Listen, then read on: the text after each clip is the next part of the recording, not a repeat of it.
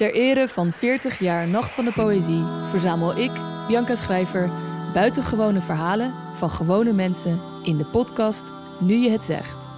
Verhalen over veranderende vriendschappen, kleine heldendaden en ook over wachten op de dood. Ik bedoel, ik heb zeven jaar geleden dacht ik van ja, mijn pensioen ga ik niet halen. Omlijst met de mooiste optredens op de Nacht van de Poëzie hoor je elke aflevering één verhaal. Jullie moeten niet zo lachen, want ik... Luister nu je het zegt hier in je podcast-app. Grootmama noemden we mijn overgrootmoeder. Marietje Gravin van Linden. Ze woonde op kasteel Ter Hoog op Walcheren. Zette grootmama zelf wel eens een kopje thee? Die stilte zegt genoeg. Je hebt haar nooit een kopje thee zien zetten. Nee, dat deed Mina, denk ik. Mina Marinissen was haar dienstbode uit Koudekerken. Ze bleef altijd ongetrouwd en werkte hard voor haar mevrouw. Je kon bepaalde dingen wel eens merken dat ik dacht, doe je mond open. Ze kon geen kant op. Luister naar Mina en mevrouw. Een podcast van mij, Maartje Duin, voor VPRO's OVT, NPO Radio 1. Hallo daar, fijn dat je luistert naar Boeken FM, de literaire podcast van Das Mag en de Groene Amsterdammer. Wij nemen op in de studio van Dag en Nacht Media. Wil je nou nooit meer een aflevering van ons missen? Abonneer je dan nu in je eigen podcast-app en geef ons ook vooral een heleboel sterren en recensies. Dan zijn we ook zichtbaarder voor anderen die ons misschien willen luisteren. Heb je een vraag voor ons of ben je heel erg boos, vooral op Joost? Stuur dan een mail naar boekenfm.dasmag.nl. En we zijn tegenwoordig ook te vinden op Instagram, boekenfm. Maar de bril in dit laatste gedicht is de bril van, zullen we het maar zeggen, Ja, ja, Joost Zwagerman. Oh, wauw. ja. Ja. ja. Die had inderdaad een bril. Hallo allemaal en welkom bij Boeken FM, de literaire podcast van de Groene Amsterdammer en Das Mag. Ik zit vandaag in de studio van Dag en Nacht Media met Joost de Vries en Ellen Dekwiets en onze producer Merel. Die achternaam ik altijd vergeet. Merel Borst. Hallo. Ja. Gewoon Merel, eh, das mag. ja, precies. Ik dacht dat jouw achternaam Das Mag was. Oh. Oké, anyway. Ja, Vandaag maken we een speciale-. Aflevering eh, voor eh, de broer van Joost. Die het zo vreselijk vindt als we poëzie bespreken. Oh, arme Hugo. Die jongen die zit nu gewoon in Noord-Irak, Mosul op, te heropbouwen. Hè, namens ons allemaal, namens de bescha- beschaving. Dan zegt hij altijd tegen me, Joost, ik wil best je podcast luisteren, maar doe in godsnaam geen poëzie. En dan doen we dit. Dus we dachten, we maken speciaal een aflevering over poëzie. We gaan de hedendaagse dichter Menno Wigman bespreken. Ehm, die eh, een paar jaar geleden overleden is in 2018. En ik vroeg me af of jullie hem gekend hebben. Ja, ja, ik wij allebei. Ja, wij Ja. allebei. Menno Wigman, geboren in 1966 en eh, overleden in februari 2018. En ik was op weg naar een optreden. Ik word door Daan Doesborg gebeld. Dus een gewaardeerde podcastcollega en mededichter... die de poëziepodcast heeft van de Sla. En hij heeft ook met Menno afleveringen gemaakt. En hij zei ja, Menno is er niet meer. En dat was echt een totale klap. Wij wisten dat... eh, hij was nog maar 52 en we wisten dat hij hartproblemen had. Hij had ook een, een ziekte, een hele zeldzame ziekte. Echt de 1 in een miljard mensen heeft die ziekte. Een soort weefselziekte, als ik me niet vergis. Ik kijk jou even aan, Joost. Hij was er bij mij tegen mij altijd wat schimmig over wat hij nou had. ja, en hij is natuurlijk echt een keer, dat, dat, dat, dat gaat ook in zijn laatste bundels, dicht hij daar een paar keer over. Hij had volgens mij zware hartproblemen. Een paar Ja. keer echt gewoon op de eerste hulp beland, Ja. spoedoperaties. Ja, ja. En ehm, ja, weet je, we, we wilden deze aflevering gaan natuurlijk alles aan jullie vertellen, lieve luisteraars, over deze dichter. Want wat mij betreft, en ik kijk jou ook even aan, Joost, dit is wel een van de grootste dichters. Voor mij is Menno Wigman ook een van de weinige dichters van wie ik altijd zinnen in mijn hoofd heb. Ja. Bij bepaalde Oh, gebeurtenissen heb ik echt gewoon bepaalde one-liners van hem uit zijn gedichten. Kan je een voorbeeld geven? Nou, ik stond, Ja, ik weet trouwens welke Nee, er zin. zit- er zitten heel veel, maar gewoon eh, ehm, natuurlijk inderdaad mijn pik. Wat hebben we vandaag verricht? Dus hele- maar gewoon uit, meer bijvoorbeeld zo'n zin in- uit zijn laatste bundel, Zorg en met geluk, is ik trapte naar de zon en ik wist niet hoe te leven. Weet je, dat is voor mij echt zo'n zin waarmee ik bepaalde mensen kan typeren. Zo van, oh ja, strappen naar de zon en weten niet hoe te leven. Maar er is meer aan, eh aan Menno Wigman. Want als ik bijvoorbeeld, ik, geef natuurlijk heel veel les op middelbare scholen. En als ik met hem aankom, met zijn gedichten, dan zie je die hoofdjes opkijken. Van hé, hey, we, snappen het. Is het dan nog wel poëzie? En kijk, Menno Wigman die liep er tijdens de carrière die wij bewust van hebben meegemaakt, altijd keurig gekamd en gekapt en geschoren bij. Pochetje in, nette pak, keurige Italiaanse schoenen. Maar je zou haast vergeten dat hij in de jaren tachtig drummer was in een punkband. En dat enorme ritmegevoel, dat komt ook keihard terug in zijn uh, gedichten. Zal ik, zal ik even om te openen en dan gaan we het dan Ja, eens even ja, over de uitvaart hebben. Zullen we eens even openen met een, eh, met, met een heel ritmisch gedicht? Dit is meteen een van mijn lievelingsgedichten. Van hem kunnen we later verder op ingaan. Zwembad Den Dolder. Er zijn gevoelens die fascistisch zijn. De vader die niet weet waarom hij slaat. De zoon die half verblind in foto's krast.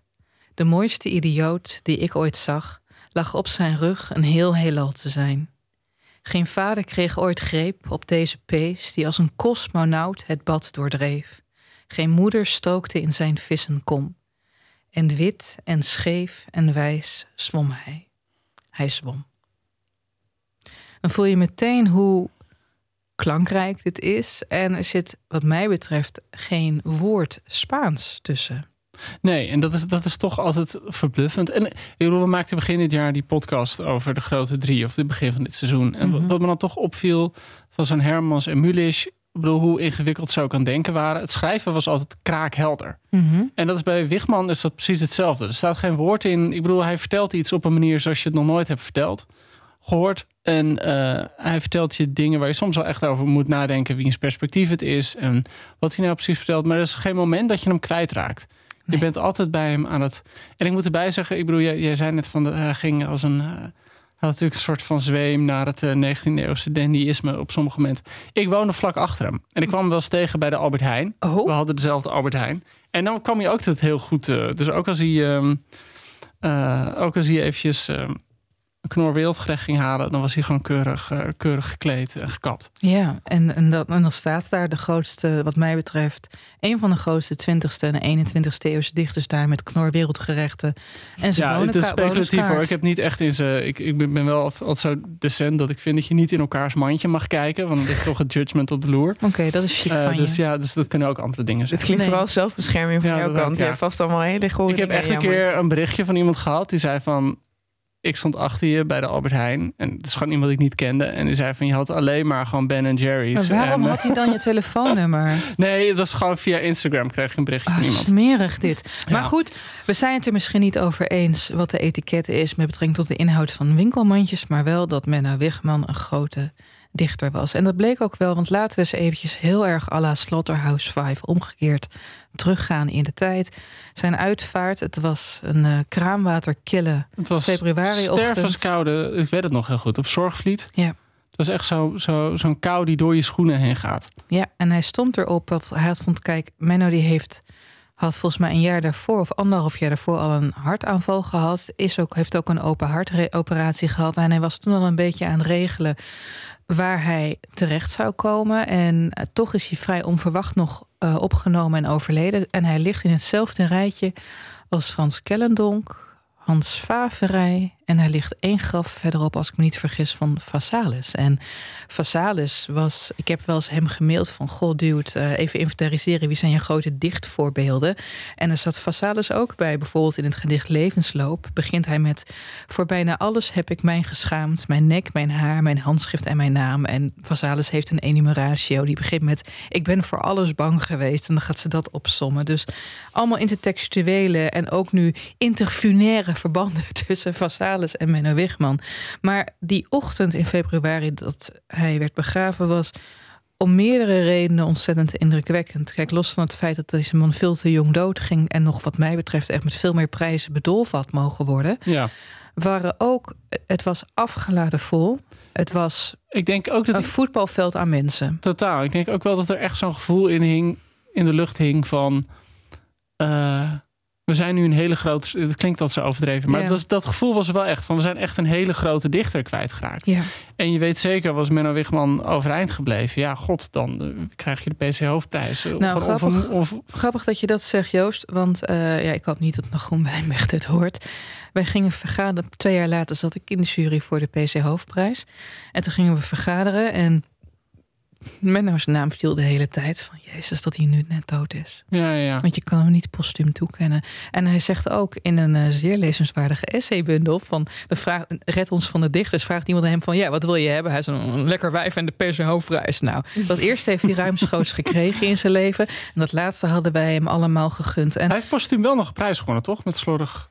Met geluk. Volgens mij heeft hij de A-Water Poëzieprijs. Dan moeten we even opzoeken. Volgens mij heeft hij wel de A-Water Poëzieprijs voor Slordig met Geluk gekregen. Maar dat zullen we even moeten dubbelchecken. Ja. Maar hij heeft nooit de grote Poëzieprijs gewonnen. Nou, dat is pijnlijk. Ja, destijds heette de grote Poëzieprijs. VSB. Ja, VSB. Dus lieve luisteraar, dat is een beetje de Libresprijs voor poëzie. Um, nee, uh, hij was in 2012, als ik me niet vergis, genomineerd. Uh, of 2013 zou hij uitgereikt worden. En het werd toen celinspecties van Esther Naomi Perquin. En ja, dat is heftig. Kijk, celinspecties vind ik een goede bundel. Het is een bundel die ook gaat over Perquins tijd als cipier in de gevangenis. Uh, een tijd waarover zij altijd heel grappend zegt dat ze door haar gedetineerde S-Esther werd genoemd, omdat ze zo ontzettend streng was. maar uh, dit brak Menno's hart wel. Ja. Hij was erg op eerbewijzen. En natuurlijk, gewoon wie niet, weet je wel. Ja. En dit is gewoon, ja, Joost, sorry, ik kijk jou over aan. Stel je voor, je bent voor die Libris. Ben je ooit genomineerd geweest trouwens voor de Libris Literatuurprijs? Ja, was shortlist. Niet shortlist. Nee, dan ben je dus niet genomineerd geweest. Sorry, nee, dat telt ja, niet, Joost, telt niet. Nee, ik ben nooit ergens voor Maar als genomineerd. dat, kijk, ik was zelf een paar jaar geleden voor deze grote poëzieprijs genomineerd. En uh, nou, die heb ik dus niet gewonnen, helaas. En dat breekt je hart wel. En dat, ja, op dat uh, moment is het... Zeker omdat, bedoel, kijk, Menno die was met mijn namens Legioen gedoodverfd. Die stond ook in alle aankondigingen van dit wordt hem. Ja, dat hing toen echt boven de markt, hè, dat, Ja. dat idee. En ik, ik weet nog, ik, ik, ik ben wel vaker voor andere prijzen. Ik heb ook wel prijzen gewonnen en ook vaker. ik ben ook wel eens geshortlist. Maar dat moment, je leeft naar die, dat weet jij ook met die VSB. Je leeft zo naar die, naar die uitreiking toe. Je staat op de shortlist.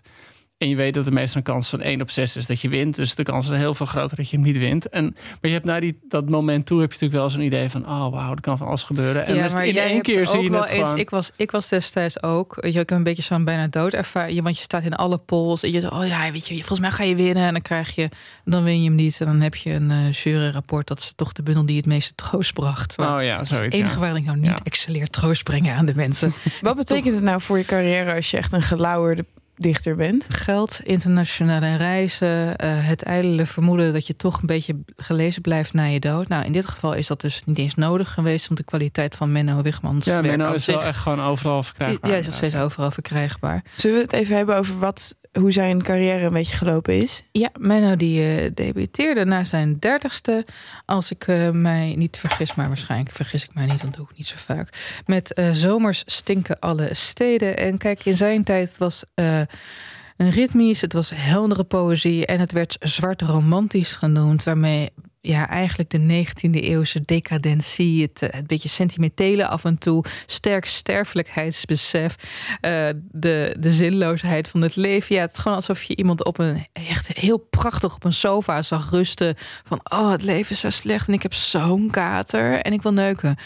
Maar stilistisch best wel ouderwets, toch? Met qua rijm en metrum en zo. eh, nou ja, dat, ja is, is dat. Ja, maar dat, dan zou je ook, dan zou je ook Little Nash eh, stilistisch ouderwets moeten, noemen. Want er zit ook best wel veel rijm en metrum in. Ja, ja, maar goed, ik, als ik, ik lees niet superveel poëzie. Maar eh, ik heb het idee dat de laatste twintig jaar vooral dingen verschijnen die zeg maar bijna proëzie zijn. Nee. Nee, dat, nee, dat is echt niet zo. Dat, dit- dat, dat, eh, dat dit rijm en dat, dat metrische, dat was heel, heel erg in zwang tot de vijftigers eigenlijk kwamen. Daarna werd het meer vrij vers. En je hebt altijd wel een soort subcategorie gehad die hardnekkig door rijmen, eindrijmen en dergelijke. Maar het is inderdaad. ehm, het is trouwens ook tegenwoordig. Dat zat ik gisteren op de bank nog over na te denken. Want waar moet ik over over nadenken? Ik heb het idee dat de laatste paar jaar dus proëzie, dat het, dat het, dat het weer veel minder pro- proza gedichten zijn. Wat echt een mode was vijf jaar geleden in het Nederlands. Ja, dat letteren. valt inderdaad wel mee, En het is nu, ja. ik, heb, ik denk dat het door Instagram komt. En jij had het eerder ook over de typemachine en Ezra Pound. Charlotte, in de Ja. eerdere, wat zei je daar ook weer voor intelligentie over? Oh god, dat weet ik niet meer. Maar dat het, dat het, eh, het Dus weten medium nog wel, ja. bepaalde, in ieder geval eh, de gedichten.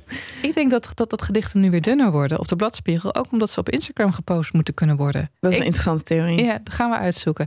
Maar goed, Menno Wigman debuteerde ermee. Hij viel op. Hij, hij, hij- da- daarvoor, kijk, hij, hij had op zijn 17e al een keer een pathetische bundel, vindt hij zelf dan uitgebracht. Eh, na eh, eh, de, na, dit uh, debuut Zomer stinken alle steden kwam Zwart als caviar, waarin hij eigenlijk een beetje op dezelfde toon doorgaat. Opeens doet ook de grote stad en het leven in de stad en de clash tussen het innerlijk gevoelige mans, manmens en de uiterlijk betonharde klinkers een beetje zijn intrede.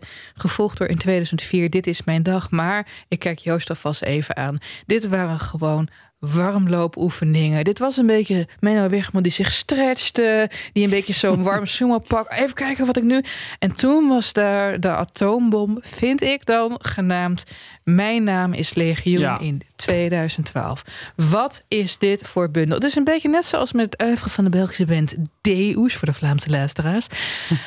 Allemaal leuke albums, goed geprobeerd. En toen kwam de Idol Crash. En opeens begrijp je die vorige albums ook. En waarom het daartoe heeft geleid. Uh, Mijn naam is Legioen werd overal lovend ontvangen. Guus Middag schreef zelfs in de NRC destijds van 39 gedichten. En ze zijn alle 39 goed. Ja, daar ben ik het eigenlijk wel mee eens. Ik kijk naar jou, Joost. Ja, ik ben het er ook helemaal mee eens. Nou, wat fijn. Is, misschien kunnen we vertellen wat voor bundel het is. Of tenminste, wat zou jij als hoofdthema aanwijzen? Nou, eigenlijk Want eigenlijk, we wilden, we wilden het hebben over Mijn naam is Legioen en zijn laatste bundel, Slordig met Geluk.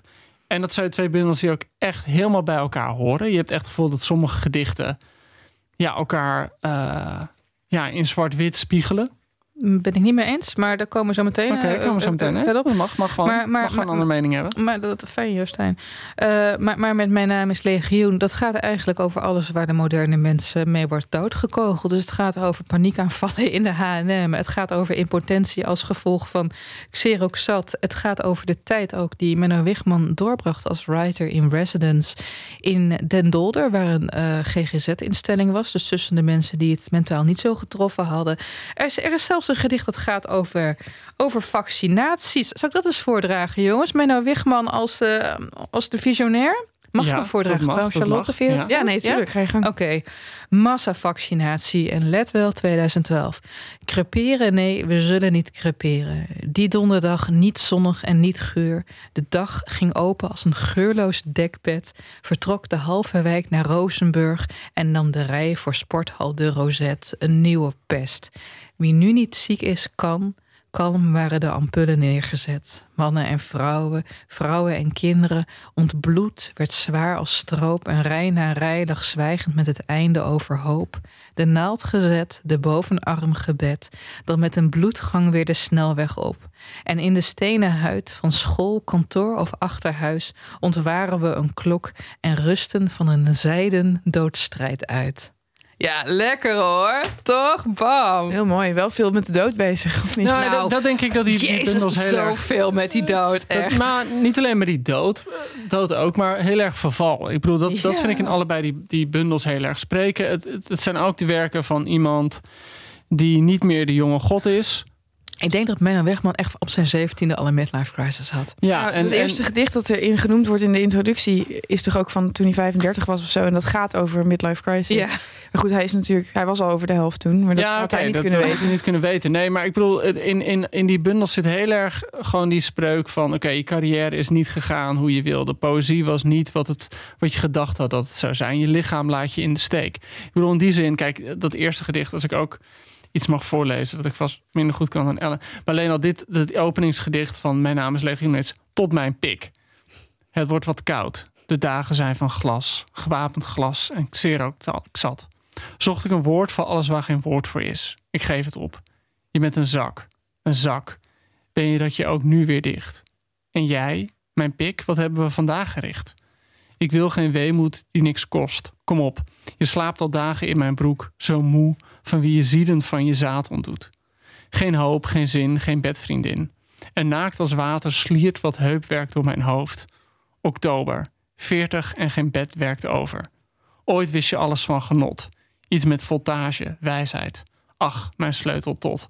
Dit is toch gewoon echt. Uh, we hadden een keer met de Groene Amsterdammer zo'n serie over uh, moeilijke mannen. Eh, de, soort van de, moeilijke, de moeilijke mannenleeslijst. Dat hadden ze, Voor en door. hadden allemaal, nee, Jan Posma heeft er een boek van gemaakt. Allemaal boeken die een soort van moeilijke masculiniteit als thema hebben. Oh, jongens en toen wilde ik eigenlijk iemand over... Ja, jongens Ja, waren leuke, we. leuke bij. Das Mag verschenen. En toen dachten we echt van, we moeten iemand gewoon, dat is toen niet gelukt, maar alleen over dit gedicht zit al gewoon, ik bedoel, daar zit al alles in. Gewoon zo'n man die zijn lul in zijn hand heeft en gewoon teleur, en teleurgesteld is en eigenlijk verwacht dat zijn lul ook teleurgesteld in hem is.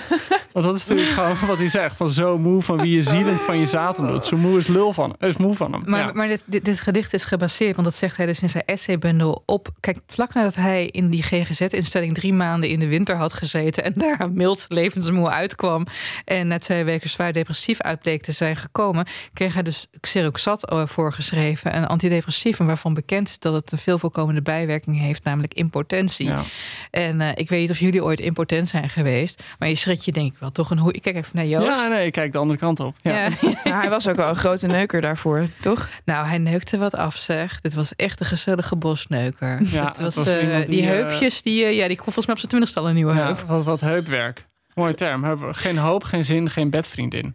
Ja, maar fantastisch toch? Kijk, en voor, voor je denkt, lieve luisteraar, dat deze man... Kijk, het ging wel... Ik ben ook een beetje gaan turven op een gegeven moment. En bepaalde termen en onderwerpen... Het komt wel, weet je wel, de dood, de, de geliefde die verlaat... het woord licht, het woord donker, weet je. Het komt wel heel, heel, heel vaak terug. En eh, dat vind ik het verfrissende aan mijn namens Legioen... als bundel in zijn oeuvre. Dat het tegelijkertijd totaal onverwachte invalshoeken heeft. Ik, ik lees er nog eentje voor, jongens, want ik, ik kan niet laten. Ja. Dit heet Glazenwasser ziet schilderijen. Auto's. Ja, ik, ik weet. Ik, ik moest even lijkt heel spons. Overnieuw, overnieuw. ja. Auto's, gelach, geraas, alles slaat dood op zeven hoog. Ik hoor alleen mijn spons en het verkouden knarsen van het staal waaraan ik hang. Soms spreekt een wolk mij aan of gisse ik wat een meeuw te zeggen heeft. De mensen, druk, wit, stemloos, achter glas. Op acht hoog kunst, dat meisje daar, die lach. Wie heeft haar zo bespied dat ze immuun voor complimenten mijn gezicht inkijkt? En wanneer breekt die sperwer uit zijn lijst? Ik hang hier als een ijskoud schilderij waar niemand oog voor heeft. Ik poets en zwoeg en maak het uitzicht vrij. Schilder er een maand na maand onvervalste wolken bij. Kijk, daar kruipt al zonlicht in mijn lijst. Ja, Ja. Ritmisch. lekker ritmisch. Kijk, hier merken we dat ik heel weinig kennis van poëzie heb. Dus wat is poëzie? Voel ik al aankomen. Kijk, om even de stem eh, van de luisteraar te vertegenwoordigen, hopelijk. ehm, eh, wilde ik jou toch wat algemene vragen over poëzie stellen en hoe je dat moet lezen. Ja. En ik heb ook, eh, dat is misschien mijn Sinterklaas cadeautje aan jou dan, Ellen. Oh, Oh, er komt een cadeautje. Er komt iets uit de tas. is het een Pesario? Oh, eindelijk. Mijn cadeautje is dat ik voor het eerst iets van je gelezen heb. Oh mijn god. Dat vind ik heel erg leuk. ik heb eh Ellen's bundel Dit gaat niet over grasmaaien gelezen. Over Essaybundel. Mie. Ja. Niet poëziebundel. Daar moet ik nog aan toekomen. Helen, wat geniet jij er toch heerlijk van? Ik wist dat ze het leuk zou vinden. Ehm, maar ook omdat ik gewoon oprecht dacht van dit gaat mij verder helpen. Want eh, ik ben nooit een groot poëzielezer geweest. Eh, en ik weet nooit waarom ik iets mooi vind. Mm. Eh, en toen ben ik op zoek gegaan naar van wat schrijf jij erover? En de, en de algemene tendens was van dat het, altijd, dat het altijd afhankelijk is van wie je op dat moment bent. Dus het is heel persoonlijk. Ehm, en dan vervolgens ga je erop in dat, ehm, dat het het vinden van een lotgenoot is als je een gedicht leest. Soms, ja. Dus soms, of dat dat, dat dat belangrijk is, dus herkenning. En dat is weer heel persoonlijk. En toen vervolgens ging het over dat de betere poëzie altijd iets ongrijpbaars heeft. ja. Wat ja. eigenlijk ook weer afhangt van degene die het leest. Dus ik vond het wel moeilijk om een soort absoluut antwoord te krijgen uit van waarom, waarom is dit nou mooi? Leuk. Eh, Goed, nou, ik ben als heb je, heb je ook het, eh, het, het deel 1 gelezen, Charlotte, waarin ik, eh, Nee, wa- waarin ik dus heel erg de andere definitie van poëzie geef. Ehm, poëzie is eigenlijk een leesafspraak. Dus ehm, een gedicht vraagt van jou als lezer wilwillendheid. Eh, ook is er de afspraak dat bepaalde termen meer kunnen betekenen dan wanneer ze bijvoorbeeld in een handleiding voor een golfapparaat zouden staan. Termen als licht, donker, strak. Eh, er zijn afspraken dat die zinnen niet voor niks in regels worden opgemaakt. Ehm, kijk, een gedicht, het is persoonlijk inderdaad, Charlotte, en het hoeft niet iets te betekenen. Iets wat je tot een directe betekenis kan herleiden. En dat vind ik er zo prettig aan. En soms waardeer ik een gedicht alleen al om één zin of één regel. Bijvoorbeeld dat gedicht van Den Dolder. Er zijn gedachten die fascistisch zijn. Dat is toch een fantastische regel. Men, uh, Thierry Baudet was trouwens ook heel erg fan hè, van ja, die heeft hem uh, aangehaald in de Tweede Kamer. Ja, die heeft een gedicht van, um, van, van, van Wigman. Toen was Wigman al overleden. Heeft hij ja, geparafraseerd. Nou, dat was uh, vooral op zoom.nl was men er echt wit heet over. Maar hij heeft hem ook fout geparafraseerd. Nou, Welke zin was het dan? Uh, zou je het even willen opzoeken, Merel? Zeker. Uh, Oké, okay, dus het ging over regels uit afscheid van mijn lichaam. Uit slordig met geluk. En die regels die luiden dus... De zon was mij niet opgevallen als hij niet steeds onderging. En Baudet zei dus blijkbaar dat de zon was ondergegaan, wat ritmisch rommeliger is. Ja, maar volgens mij heeft hij ook een langer deel van een ander gedicht van uh, Wigman geciteerd in de Tweede Kamer. Ja, volgens mij wilde Baudet het ook op een politieke manier inzetten. En had hij het over Europa dat, dat ten onder ging. Oh, ja. Dus ook hij, hij spande Baudet, Baudet spande Wigman Volgens mij was het, was, het, was, het, was, het, was het het gedicht dat namelijk na mijn pik komt. Of niet mijn pik. Oneindig wakker? Ja, 2000, ja, dat kan, dat kan. Want de eerste keer gebruikte hij het gedicht Oneindig Wakker uit dezelfde bundel. Uh, en hij liet toen twee regels achterwege en eindigde het gedicht met een variant op het origineel. Ja, dat moet hem zijn geweest. Waarin hij schijndebatten bekritiseerde. Oh, ja. Want oké, okay, want we, hadden, waar we het over hadden, uh, is uh, dat je vaak op één zin al ja. heel erg verliefd kunt worden. En dat heb ik dus wel. Want ik, eigenlijk alles wat ik alleen maar kan onthouden van poëzie is altijd ja. één zin. Vaak de eerste ben, zin. Ben Lerner, die Amerikaanse dichter en schrijver, die had een keer zo'n zo'n essay gepubliceerd, The Hate of Poetry. Hatred of Hatred Poetry. of Poetry. Waarin hij ook zei van, wel grappig, uh, uh, ongewoon opmerking van een dichter. Hij zei van, poëzie komt het best tot zijn recht als het buiten het gedicht is. Dus als er gewoon een strofe of twee zinnen ergens in een andere tekst staan, dan, dan als een edelsteen blinkt het dan echt door de tekst heen. Ja, dat heb ik heel erg met dat. Eigenlijk ongeveer het enige gedicht dat ik altijd weet, is haar laatste brief van Martinus Nijhoff. En dat begint met: Verwijt mij niet dat ik, dat ik lichtzinnig was. Dat onthoud ik altijd. En de laatste zin: Mijn bijna jongensborst, mijn haar van goud. Mm. Super mooi, maar ik weet niet waar het over gaat. Ik kan de rest van het gedicht ook nooit onthouden. En ik weet dan niet waarom ik het mooi vind. En dat is dus misschien kern van de vraag. Nou, weet je, Paul Verlaine, die zei eens, of was dat Valérie? Nou, goed, in Frans en de achternaam begint met een V. Die zei dat uh, het eigenlijke doel van een gedicht is het opwekken van de poëtische stemming. Waardoor je haast alsof het een soort psalm is, een, een frase hebt waarvan je niet precies weet waar die op slaat, maar waar je wel een connectie mee hebt. Oké. En uh, als het banaler is, als je gewoon een gedicht aan iemand cadeau doet, omdat het erin staat wat je wil zeggen, mm-hmm. bijvoorbeeld, is dat dan ook de poëtische stemming? Nou ja, nee, dan, dan, dan is het voorspel natuurlijk. Weet je wel. Nou, dat is hoe ik Menno Wigman oh. heb leren kennen, Go. namelijk. Doe, ja. Mij is ja. het hof gemaakt met een gedicht van hem. Uit welke bundel? Oh, uit dat, welke bundel? Dat is uit uh, Dit is mijn dag, ja. 2004. Dit is mijn Charlotte, was natuurlijk het doel. Uh, nou, het is daarom, ik denk, het is niet, helemaal niet zijn mooiste gedicht, maar ik voel er dan wel van alles bij. Oh. Het is, ik oh, weet dat het er is. Wat je allemaal voelt dan. Je gaat ook helemaal een beetje zo anders op je stoel zitten. Ja, hou op, je bent zo'n pestkop. Uh, het is, ik weet dat het er is. Heet het gedicht. Ik kan het niet voorlezen, maar goed, ik zal het proberen, want jullie hebben het ook gedaan. Mm. Het moet er zijn, dat woord. Dat ene woord dat mij verklaart waarom mijn stem het nu begeeft. Om jou, om jou te zien, moest ik wel duizend meisjes zien. Duizendmaal duizend blikken. Bloos ik? Ik bloos. Ach, waarom ben je toch zo mooi? Zelfs als ik straks, wie weet, weer uit mijn woorden kom, denk niet dat ik niet weet waarheen ik wil. We zullen wijn drinken, wilde wijn, er zal geschater zijn. En het gefluister voor jij mij, je straat, je huis, je lichaam binnenleidt. Een dichter, denk ik, kwam nu met een metafoor. Maar ik heb haast, dus je heet C. Dag C. Proost me toe en neem me mee. Hmm. Ah, dat is heel mooi. Ja, dat is lief, Dat toch? werkte, mooi. maar stop, werkte het? Ja, natuurlijk. Ja, je ziet Ja. er goed erbij zit. Ja, het werkt, het werkt nog steeds volgens mij. Het werkt ook op Joost. Maar denk je ook niet dat gewoon er echt flink wat gedichten bij zitten die, die Menno voor de meisjes heeft geschreven? Ja, natuurlijk. Dit is er wel één voor de meisjes. wel echt ja. voor de meisjes. Ja. inderdaad. Had ook elke letter ingekund, zeg Ja, maar. ja, ja. Ja. Nou, C. Maar het was C. Een beetje op C rijmen. Ja. Maar hij heette in de wandelgang Menno Womanizer Wigman, hoor. Dat was echt, eh, die liste. Maar mag wel, ik, ja. eh, mag Ja? ik eh, een gedicht voorlezen en die dan eh, volgens koppelen aan een ander gedicht? En dat is toch wat ik bedoelde met eh, hoe Mijn naam is Legioen eh, op een bepaalde manier aansluit bij Slordig met Geluk. Ik bedoel, op heel veel verschillende manieren hoor. Ik bedoel, het laatste gedicht van... van dus Slordig met geluk, lieve luisteraar. Dat is de bundel die hij schreef na een zwaar hartinfarct. Ja, in 2012. En hij... Nee, 2016. Ja? Ja, nee, goed. Op, op sommige momenten uh, heb ik het gevoel dat die elkaar duidelijk spiegelen. Ik bedoel, het laatste gedicht is gewoon de weg van alle boeken. En dat is eigenlijk hoe, te, hoe de teloorgang van elke dichters uh, ambities zijn. En daar opent Slor geluk ook mee met een gedicht dat gewoon in elkaar over kan lopen. Maar eigenlijk, dit is een gedicht wat ik altijd heel mooi vond. Uh, Promesse de Bonheur heet het. Mhm. Oh ja. En we weten over wie dit gaat. Ik in haar bed en zij die net de douche uitstapt.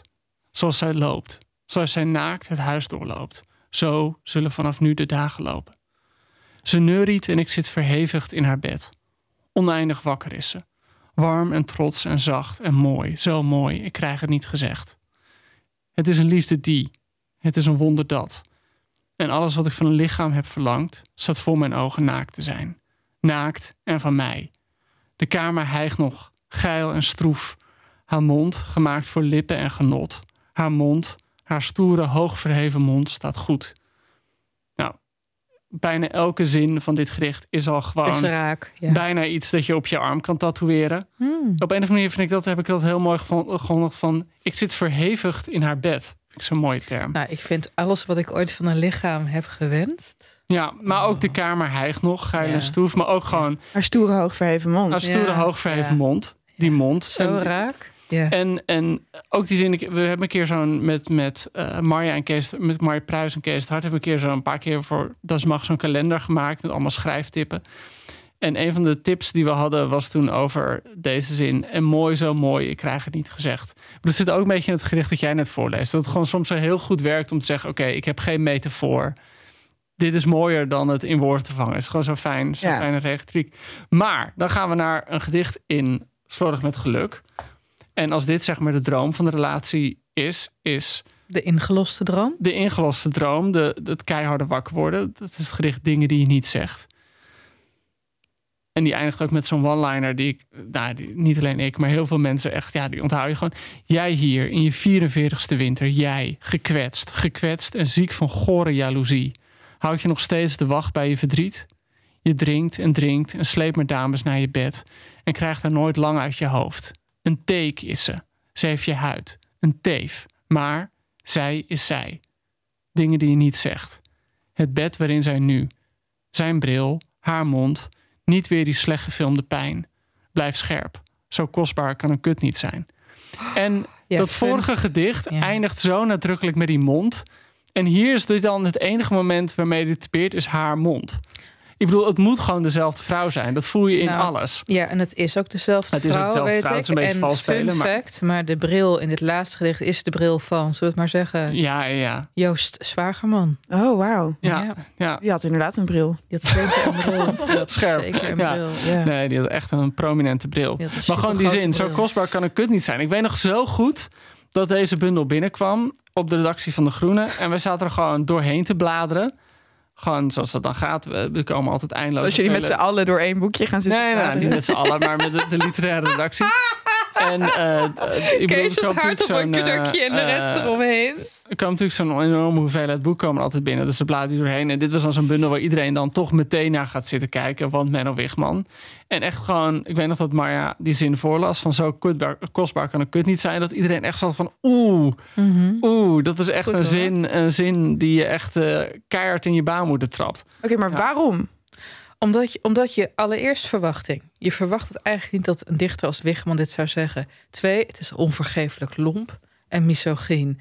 Drie, er spreekt zoveel pijn uit. Ja, en het is natuurlijk gewoon, waarom is het zo hard? Omdat gewoon die hele vrouw, die hier nog als in die andere bundel als prachtig en gewoon een droom, opeens wordt teruggebracht tot een kut. Meer is ze opeens niet meer. Dat is gewoon, het, het klopt inderdaad precies wat je zegt. Juist dat iemand als Menno zo'n Ja. lompe opmerking maakt, dat maakt het helemaal gewoon echt een, een ja, superieur eh, harde opmerking. Ja. Zeg maar, superieur naar geestig. En waarom kan dit niet in een roman? Dat kan echt wel in een roman. Maar, maar, maar kijk, je hebt als je een bundel leest van een dichter, maar ook als je überhaupt een bundel koopt van een dichter, doe je altijd op vermoedens. En van wat voor, wat voor werk maakt deze persoon. Menno Wegman was ook in zijn tijd heel veel gevraagd dichter voor literaire festivals.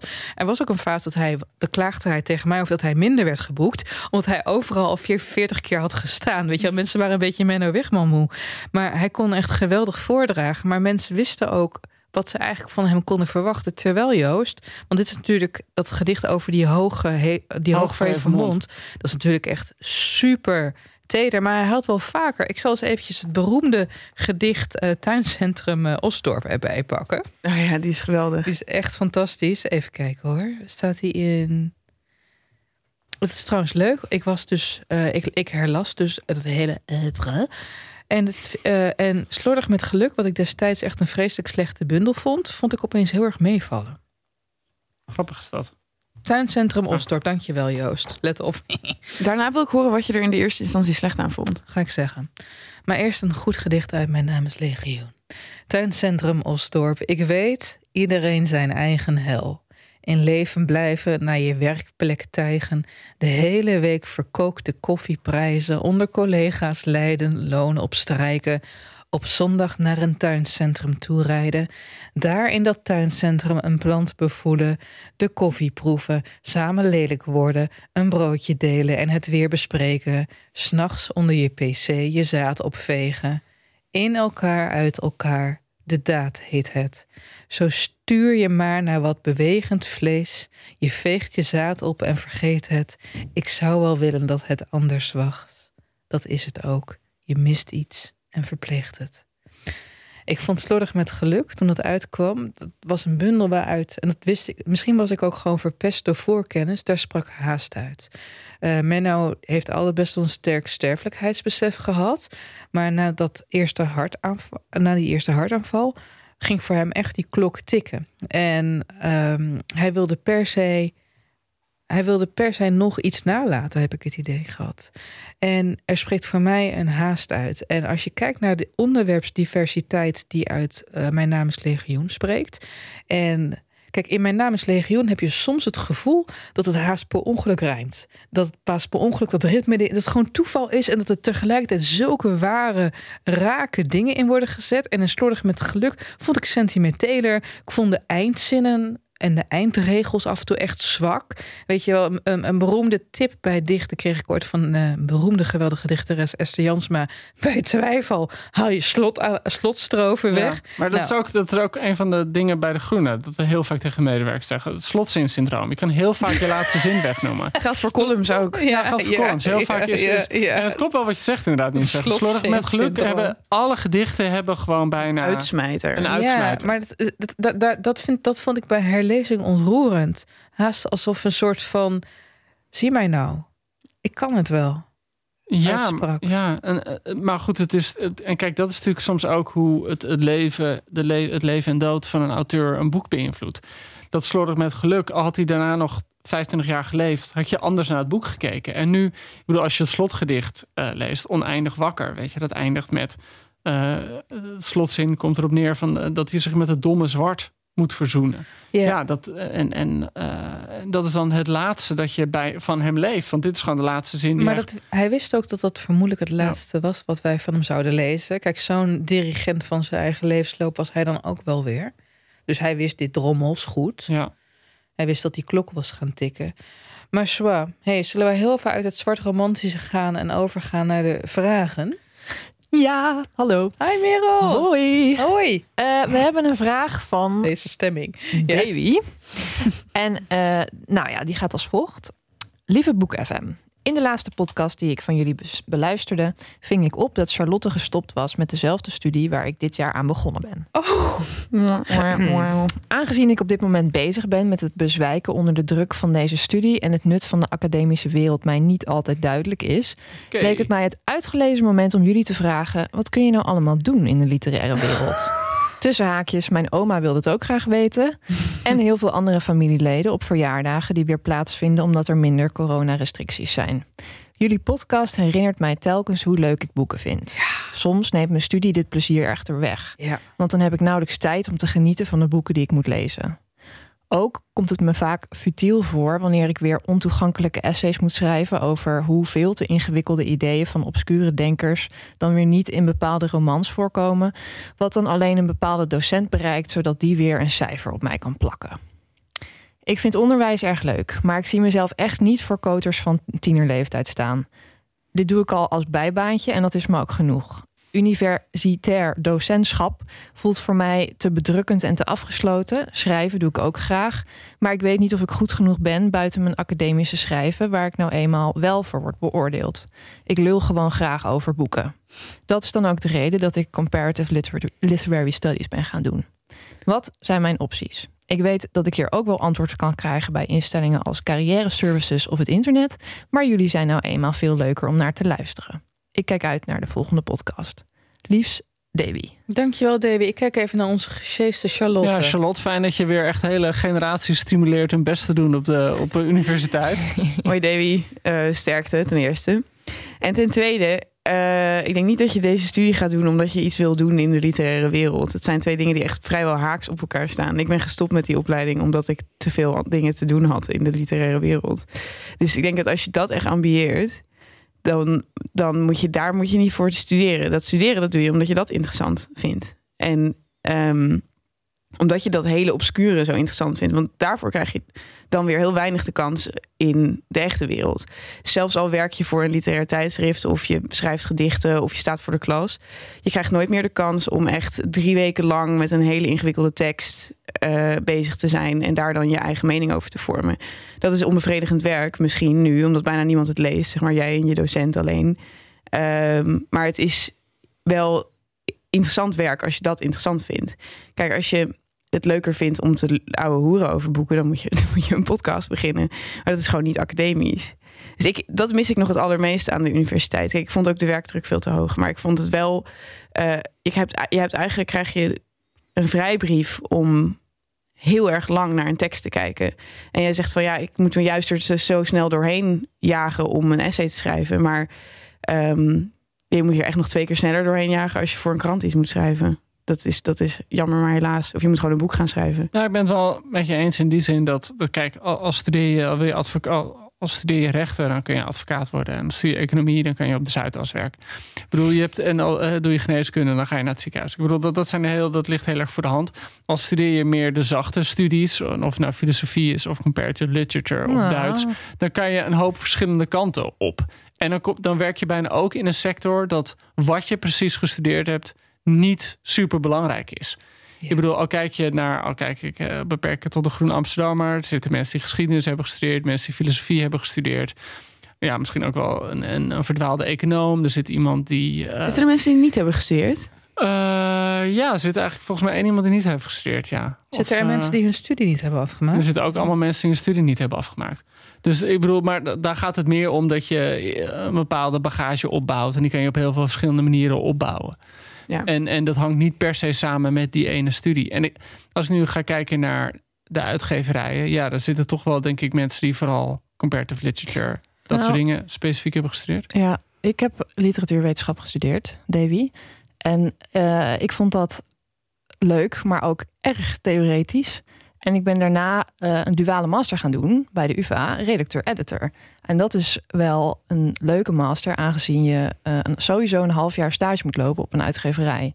En je wordt heel praktisch voorbereid op het boekenvak, als je dat ambieert, bijvoorbeeld redacteur te worden. Uh, dus daar zou je nog naar kunnen kijken. Want nou ja, ik ben nu hoofdredacteur van een puzzelblad. Dus hm, dat is weer hm. een hele andere kant op gegaan. Maar ik maak ook een podcast over boeken. Dus um, misschien is dat nog een idee. Je moet inderdaad ook kijken naar wat je wil doen laten. Kijk, het is fantastisch om zo diep in een tekst te gaan duiken. En je moet ook nooit de illusie hebben dat je op je achttiende al weet wat je later gaat worden. Maar als, als ik had geweten wat je wel en niet kon worden met literatuurwetenschap. Ik ging het gewoon studeren uit kennishonger. Maar dan had ik toch mijn rechtenstudie ernaast helemaal afgerond. En dan had ik die extra optie. Maar ik kijk even naar jou, Joost. Wij komen uit een ander tijdsgevricht. Ja, wij zaten in net een generatie dat je echt nog makkelijker langer kon studeren. Nee, dat bedoel ik niet. Oh, uh, ik, was mijn scriptie, ik, was mijn scripties aan het schrijven in 2008. En, eh, en toen, toen stortte de economie in. Dus, en ik heb gezien dat het daarna ook... Kijk, er waren gewoon veel meer leuke baantjes toen... als je deze papieren had in 2008 Ja, ja, nog. Er werd wel, heel ja. veel wegbezuinigd eh, en zo. Maar weet je, Davy, je moet kijken, je, moet kijken of je het echt heel belangrijk... of je het leuk vindt. Ja. Dus eh, Ja, en inderdaad, nou ja, precies wat we al zeiden. Gewoon wat je studeert slaat uiteindelijk bij heel weinig mensen sla- slaat het, sluit het één op één aan bij wat ze uiteindelijk zijn gaan doen. ja, daarvoor heb je stages. Ja, En ja, ja je- dat, dat is inderdaad het de allerbelangrijkste. Je moet gewoon stage lopen. En je Dan- moet je cv, nou, als je bestuur naast het van een studentenvereniging, doe dat eh, alsjeblieft. En kijk, je weet nooit wat je later nog gaat doen. Ik heb dit weekend heb ik een eh, voorstel gehad om te promoveren. Heb ik niet eens verteld aan jullie trouwens. Dus misschien ga ik ooit nog mijn Ah. proefschrift over 9-11 literatuur tien jaar. Mogen wij Ja. eigenlijk een stagiair hebben bij, bij deze podcast? Ja, Is neem dat we? Davy als stagiair. Mag Is dat? dat iets dat we Davy erbij vragen? Dan moeten jullie wel iemand ook echt opleiden, zeg maar. Dan Ja, zouden dat jullie... mag jij dan doen. We, hebben, we hebben natuurlijk al iemand die haar scriptie over ons heeft We geschreven. hebben ja, een bachelorscriptie. hè? Ja, maar alsnog wel gewoon een Ja, wel een scriptie. scriptie, ja. Dus eh, nou, jongens, snopjes. misschien wel een idee. Mimi. Davy, ik hoop dat we hier niet al Ja, gedeprimeerd hebben. een op. beetje hebben Nee, is geleid. eigenlijk ja gezegd van het komt wel goed. Maar als je Ja. studeren interessant vindt, moet je dat gewoon Ja, ook ik doen. wil het Het zeggen. sluit niet één op één aan. Nee, nee, nee, dat is het. Waarschijnlijk En- niet. En, wat, wat, wat, en dat, dat is wel echt het moment. En Charlotte heeft dat moment nog niet bereikt. Maar eh, eh, Ellen en ik denk ik wel dat met terugwerkende kracht... dan ben je nu eh 10 jaar, 15 jaar afgestudeerd. En dan denk je wel van... ah shit, als ik nu zou studeren... zou ik er zoveel beter in zijn geweest dan dat ik er toe was. Oh, dat ben ik niet met je eens. Nee, maar ik, ik verrat mijn studie. Oh ik, nee, ik leefde in de UB. Had wel echt, ik had sommige vakken waar ik heel erg mijn best voor deed. Maar Ja. ook heel veel vakken dat ik dacht... nou ja, als ik een 6 haal, dan is het echt prima. Nee. En dat met terugwerkende kracht denk ik... van, goh, als ik nu fulltime zou studeren... man, zou ik echt helemaal losgaan. Als ik beneden de 9 scoorde, was ik echt diep teleurgesteld in mezelf. Ik was echt Hermelien. Ik was fucking Hermelien. Maar achteraf gezien had ik misschien nog wel dus rechten. Ja, ik was wat meer Draco. Jij was meer, ja, ja, Draco. Ja, je lijkt er ook een beetje op. Eh, en, en laatste ding, Jan laatste Fred ding. en George gewoon eerder La- laatste ding, heel belangrijk jongens. Eh Davy, heel veel mensen van jouw generatie die dus harde studies doen, kunnen niet schrijven. Dus eigenlijk heb je goud in handen. Zeker. Als je kunt schrijven, maar we weten Ja. natuurlijk niet of Nee, je kan schrijven. misschien wel Demi. Sommige Ja, mensen willen ook niet schrijven, willen gewoon lezen. Ik kan me niet voorstellen. Ja, maar je er leert, wel, je leert wel schrijven. Nou, ik stel voor dat we eh, Oh. verder gaan. Omdat we eh, volgende week ook Oh, ja. een hele leuke gast hebben die er eh, straks eh, aankomt. Wie? zou dat zijn? Wie zou dat zijn? Oké, dan nog eventjes over poëzie dan, hè jongens? Oké. Want eh, daar- nu ga ik misschien iets oneerbiedigs zeggen. Oh nee. Eh, poëzie komt soms op mij over als een makkelijke manier om dingen onbeschreven te laten. Dus je kunt de suggestie wekken van een, eh, eh, van een hele, weet ik veel, eh, romantische relatie tussen twee mensen met één zinnetje over een naakt lichaam. Mhm. En je hoeft dus nooit uit te leggen van wat zijn zij van elkaar, waar Je kennen wil, ze elkaar meer, van. je wil meer informatie over Nee, het lichaam dat hoef ik. Ja, hoe ziet het er nou precies uit? Hoe lang is ze? Afmetingen. Ehm, Voelt het? Ja. Eh, cupmaat. Nou, anyway. Nee, ik bedoel meer van... ehm, je mag als dichter gewoon... hoef je geen plot te hebben. Ja, dat mag. En als je, maar weet je, daar komen niet zoveel dichters mee weg. Want het is ook een misvatting dat ieder gedicht automatisch een goed en verheven en geslaagd gedicht is. Oh my god, als je wel eens naar. Je, je, je hebt gedichtenweb.nl en dan heb je dan inzendingen van mensen die eh, niet zo kritisch op zichzelf zijn. En er was één iemand die stuurde dan een gedicht in met: Ik voel mijn binnenste branden. Ik zie meteen een hele agressieve vorm van chlamydia voor me, weet je wel. En Dus-. Dus wa- wat jij nu zegt, Charlotte, is inderdaad een zwakte. Een mogelijke zwakte van de poëzie. Want het kan lukraak zijn, het kan gratuit zijn.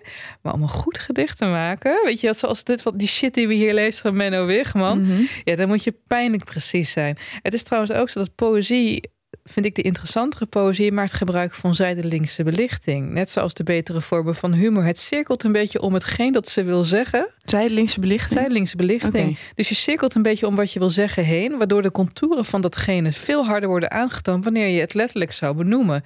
De beste grappen zijn ook de grappen die je zelf mag. Invullen. Invullen. Hey. Net zoals het geweldige nummer van Brigitte Kaandorp, Andries Knevel. Kennen jullie dat nummer? Als ik maar niet met Andries Knevel Knevel hoef te doen. doen. En dat eindigt dan dat van je mag echt naar binnen gaan, maar eerst als je het met. Oh, Andries Knevel hebt gedaan. Ja, dat is zo'n leuke grap dus. Hey, maar er Eh. zijn ook gedichten die juist heel erg specifiek zijn. Ik ben op zoek naar dat ding over, over slaablaadjes dat jij ook hebt opgenomen in je bundel. Oh ja. Alles kan ik verdragen. Oh, ja. Het rooien van. Ja, maar ik, ik sinds COVID, het is echt een, lijkt een kutsmoes, maar mijn geheugen is echt aan flarden. Alles kan ik verdragen. Het verdorf van de bonen, blabla in de hoek. Het rooien van aardappelen kan ik werkelijk met droge ogen aanzien. Maar jongens, sla, pas geplant in vochtige bedjes, slap nog? Nee. Wil je die van Rutger ja, ja, ja, ja, precies. Maar dat is toch fantastisch? Ja, nee, maar dat is dan weer specifiek. dan juist weer heel specifiek. Ja. En dat ik dan, dan, dan, dan ben ik al helemaal de weg kwijt. Van oké, je mag de helft weglaten en suggesties wekken. Het gaat niet om wat jij mag. Het gaat erom wat die woorden gewoon doen. Ja. En weet je wat is? Eh, kijk, poëzie, dat, dat zegt Ben Lerner ook in The Hatred of Poetry, heeft zo'n heel erg verheven stempel van eh, het is een gedicht, dus het is heel goed. Nee!